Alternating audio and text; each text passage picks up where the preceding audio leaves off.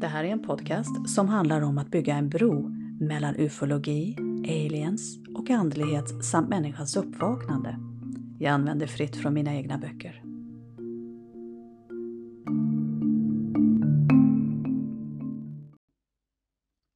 Så var ser vi då bevis på att människor har sett ufon och har interagerat eller kanske till och med samarbetat med aliens?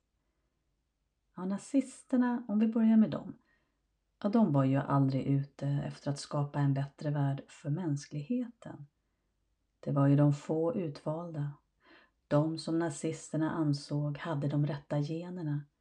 Det var ju de som skulle föra mänskligheten vidare. Alla andra, de kunde elimineras. Men även om nazisternas hjärnor var fyllda till bredden med onda tankar så visar de intresse för andra kulturers mytologi. Det kan tyckas märkligt men eh, Hitler skakade inte på huvudet när han hörde historier om utomjordingar och hemligheter gömda långt borta i Himalaya. Istället såg han till att utnyttja det som existerade i fjärran länder för sin egen vinnings skull.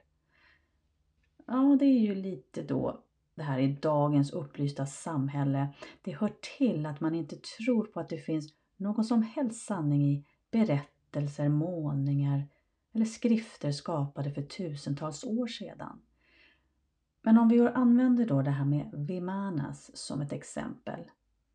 I de fornindiska vedaskrifterna så framställs flygande vagnar, eller Vimanas som de kallas, i flera av texterna. Vi resonerar att det som skrifterna återger, det här med flygande vagnar, ja det är en kvarleva av en myt som dåvarande kungar och envåldshärskare ville skrämma sina undersåtar med. Men nazisterna däremot, ja, de började grunna på om det kunde finnas en sanning i det som beskrevs som flygande farkoster med snurrande hjul. Petroglyfer, hällristningar samt grottmålningar som var skapade för tusentals år sedan, ja, men de visar ju motiv som vi associerar med rymden. Vi kan se flygande tefat, planeter och män med hjälm och rymddräkt. Och eftersom det inte finns tefat eller marsianer eh, i vår verklighetsuppfattning, men då ser ju vår hjärna något annat när vi beskådar dessa primitiva konstverk. Vi avfärdar avbildningen med att våra förfäder liksom, de valde att måla något som vi inte idag förstår vad de är. Kanske är det en dröm och så vidare. Vi gör ju samma sak när vi skådar alster målade av geniala konstnärer vars motiv vi annars aldrig ifrågasätter. Så kanske visar målningen en trosbekännelse som avhumaniseras till den grad att vi inte kan veta vad den ska föreställa. Eller så misslyckades konstnärerna med sina motiv och ja, det kan ju även vara så att konstnärerna ägnade sig åt en mer abstrakt konstform. Nej, fel, fel, fel. Att hänvisa till att dessa konstnärer misslyckades i sin avbildning av världen, ja, men det visar ju endast vår egen begränsade uppfattning. Abstrakt konst var inget som dessa konstnärer ägnade sig åt. Om dåvarande genier kunde avbilda djur och natur på ett detaljerande och verklighetstroget vis, ja då är det svårt att argumentera att de inte visste vad de målade när de lämnade bakom sig följande bilder. Till exempel The Madonna with Saint Giovannino den var målad under senare delen av 1400-talet, det vet man. Om man googlar på det här så kan man se att i högra hörnet, men det hovrar ju något i skyn. Och med dagens teknologi, då kan man ju förstora föremålet. Och det går liksom inte undvika att tolka föremålet som något annat än ett UFO.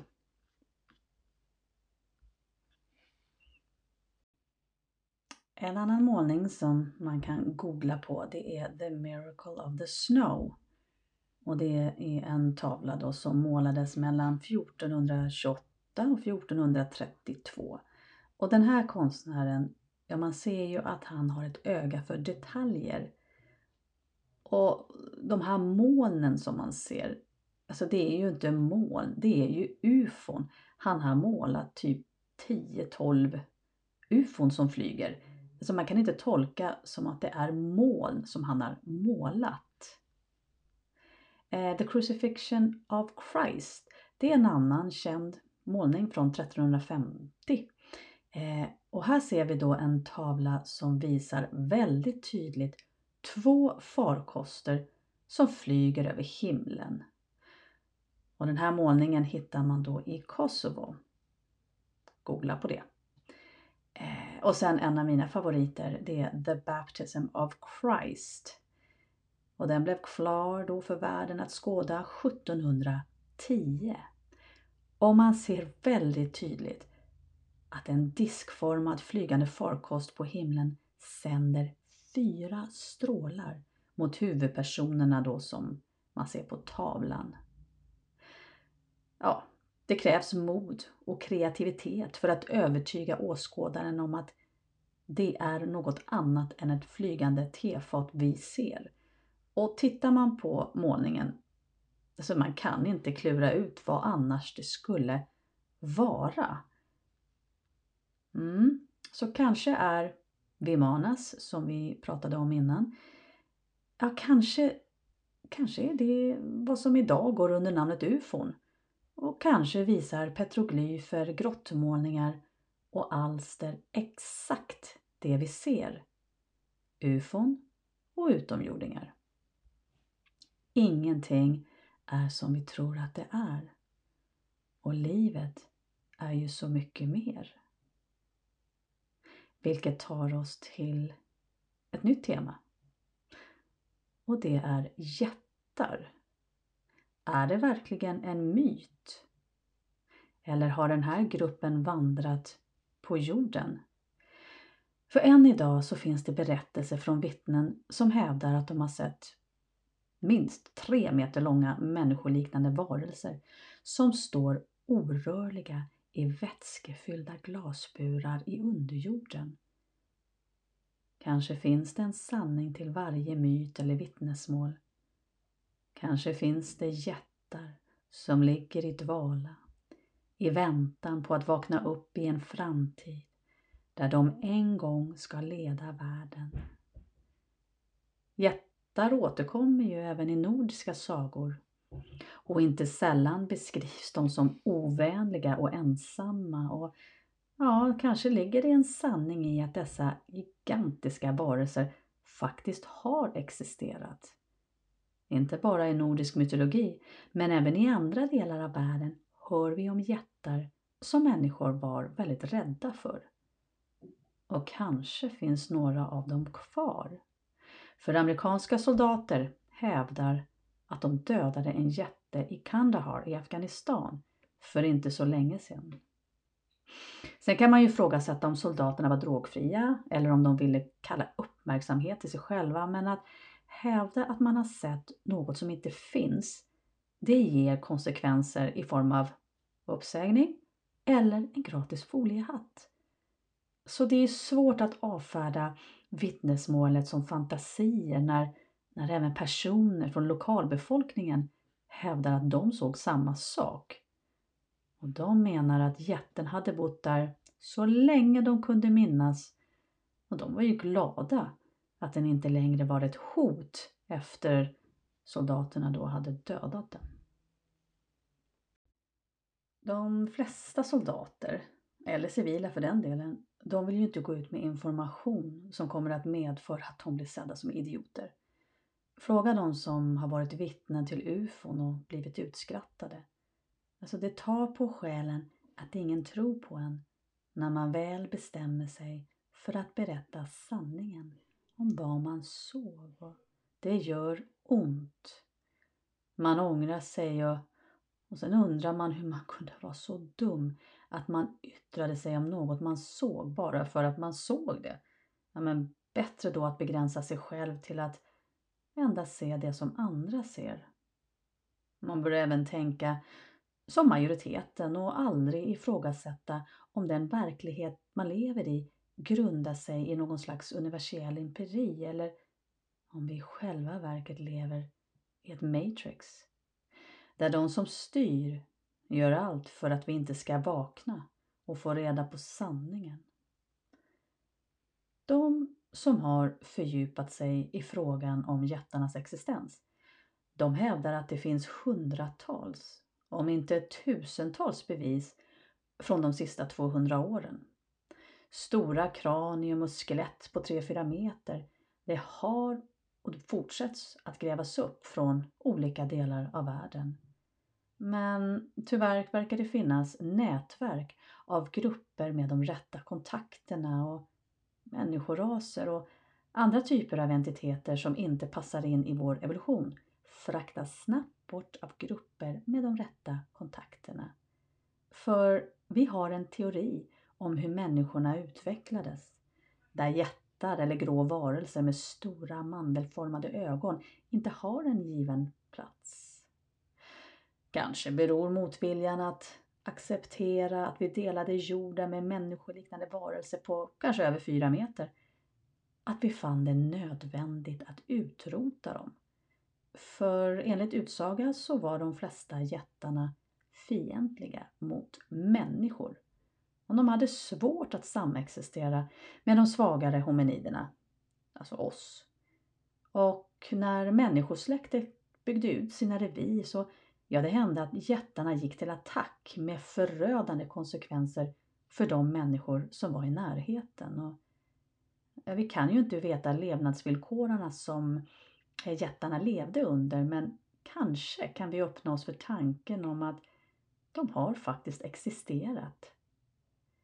Amerikanska indianer som tvingades leva under hot från jättar i den gamla tiden överförde historien muntligt till vidare generationer och än idag pratar man om hur förfäderna lyckades med att tända en eld utanför jättarnas grotta. Jättarna kvävdes till döds av den dödliga röken och människorna kunde andas ut. Hotet var eliminerat. Den inhemska befolkningen i USA, ja, de är ju inte kända för att fabulera eller hitta på saker som de sen överför till nästa generation.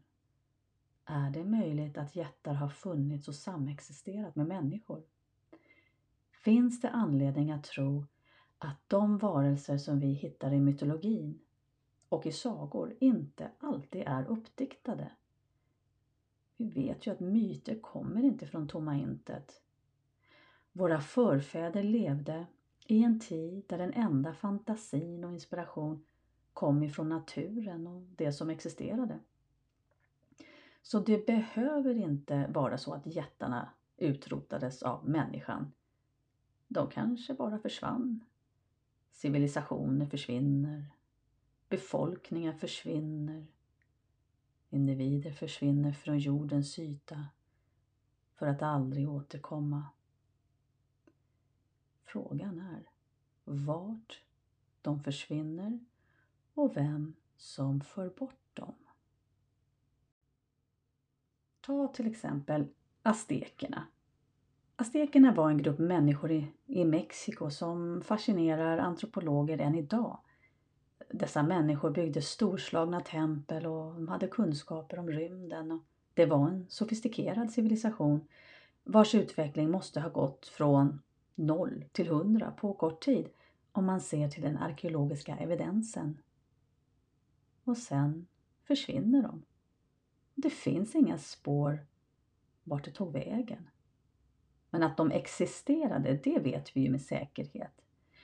Men frågan är hur hundratusentals människor försvinner utan att lämna spår efter sig.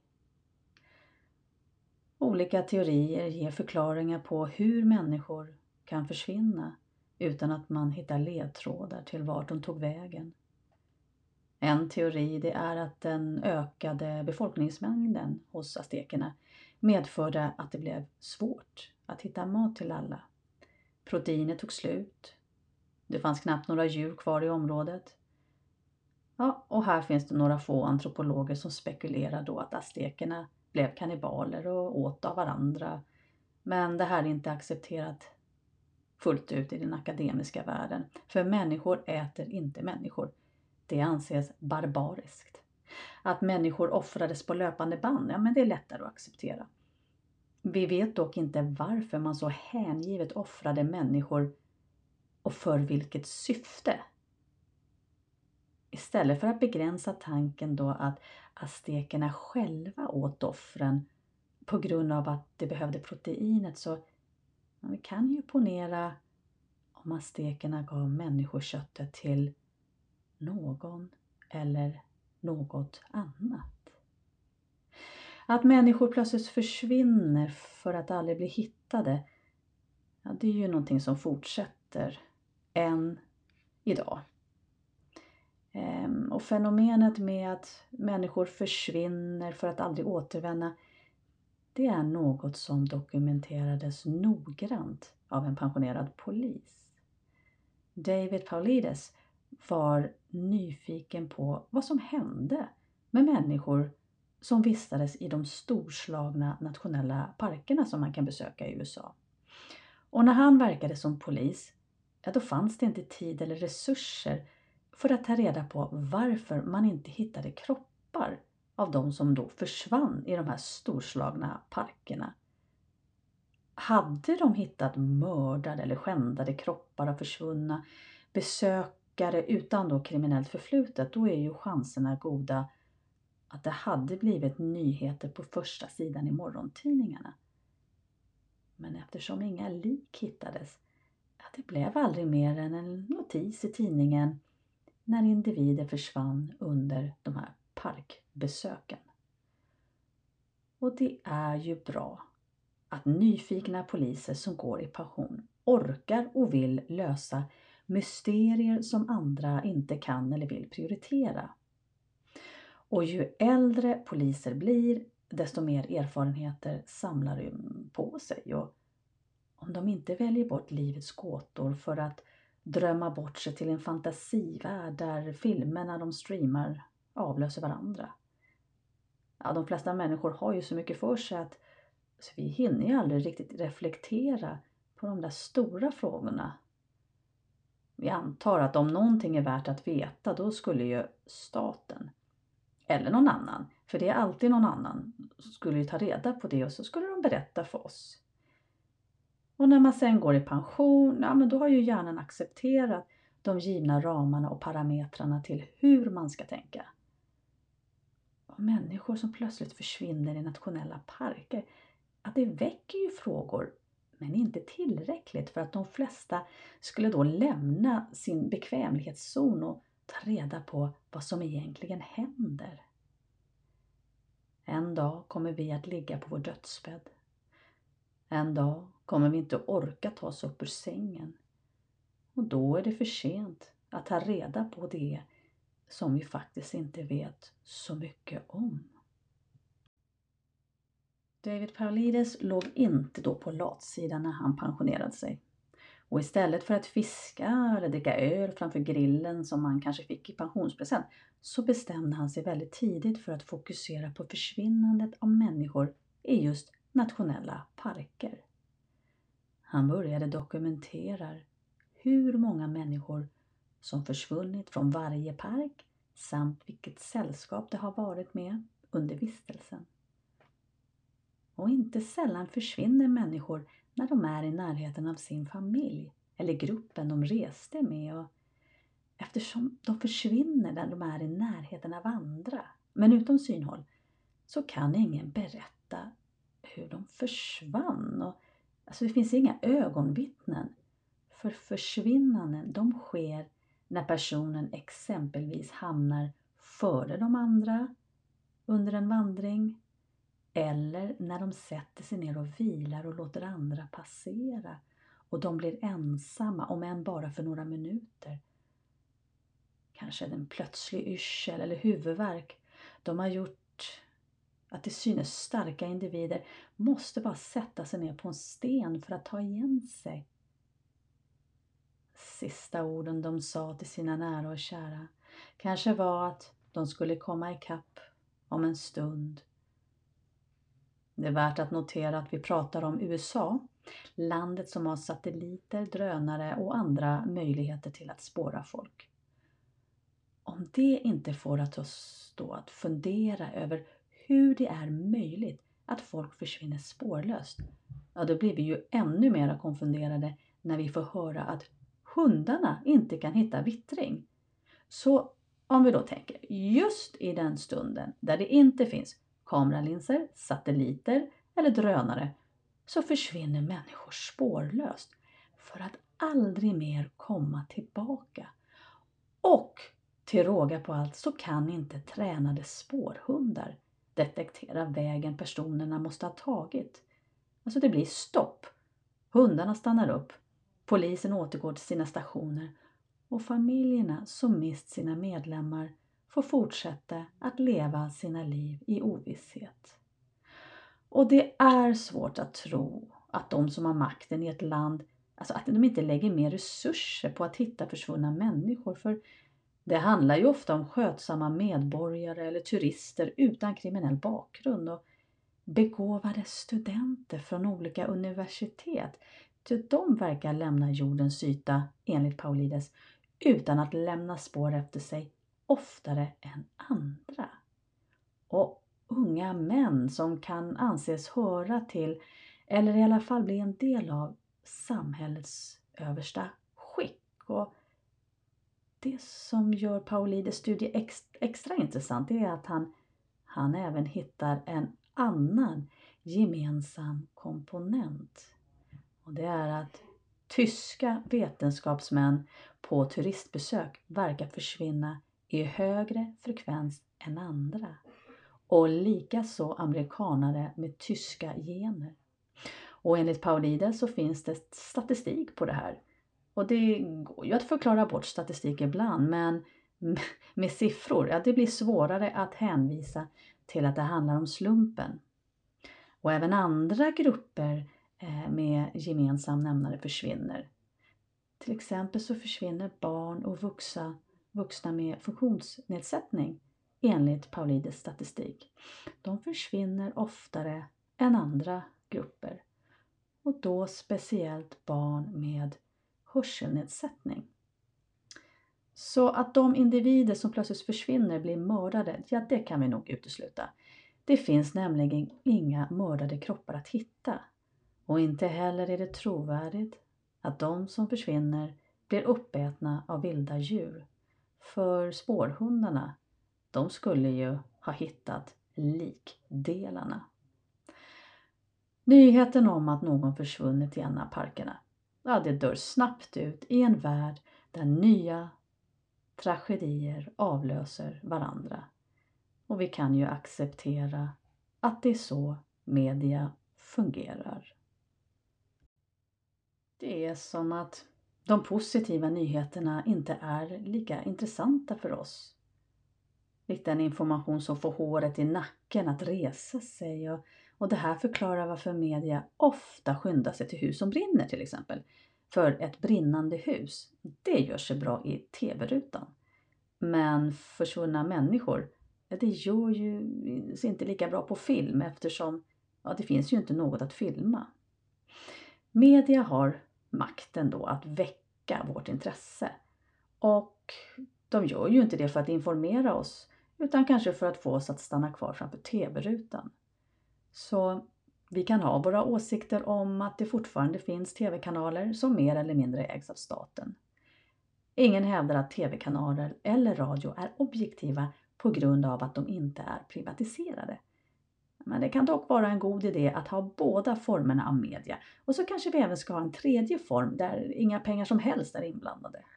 För när det kommer till TV-program som påpekar att det finns bevis på att jorden haft och har besök från yttre, rum, yttre rymden, ja då kan vi konstatera att eh, både den statliga och de privata TV-kanalerna visar dokumentärer där man inte förnekar att det faktiskt existerar oidentifierade flygande farkoster.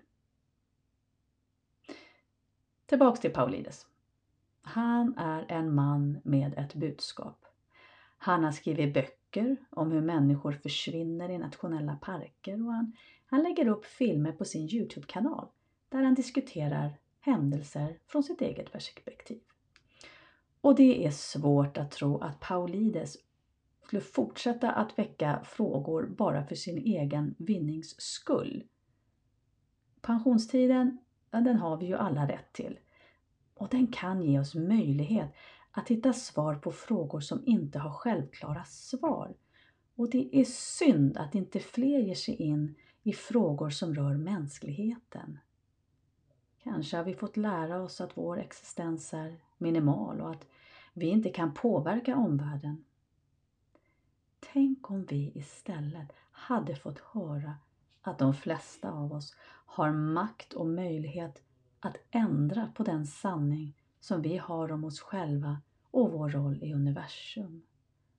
Har du inte den rätta utbildning för att uttala dig om att det inte är trovärdigt att pyramiderna byggdes med en sådan precision att vi knappt kan anlägga, anlägga liknande byggnadsfenomen idag, vet du vad, desto bättre. För då behöver du inte vara rädd att dina studiekamrater som har accepterat de ramar som getts inte bjuder in dig på det årliga julbordet. Har du även friheten att inte arbeta för de myndigheter, företag eller organisationer där oliktänkande inte är välkomna? Utan nu har du ännu mer möjlighet att söka efter svar på frågor som inte är besvarade.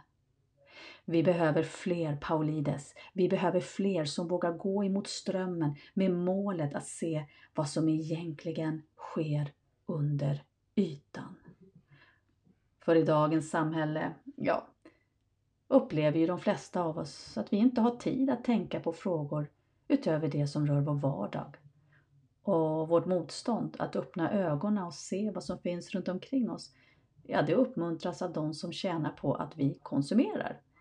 Kanske medför vår ovillighet att se att vi har besökare från andra planeter på vår jord även politisk stabilitet. Vetskapen om att ingenting är som vi tror att det är. Det skulle ju innebära att makten skiftar från de som innehar ledande roller till nya kandidater. Och det sägs att de som har utvecklat empati för sig själv och andra lättare kan ta kontakt med de som härstammar från andra planeter och dimensioner. Tänk om det blir de med extra gott hjärta som i framtiden axlar rollen som ledare i politiska partier och de ges betydande roller för att det är enda som man har medlidande som man kan kommunicera med de som sitter besitter kunskap och teknologi långt ifrån vår egen uppfattning om vad som är möjligt.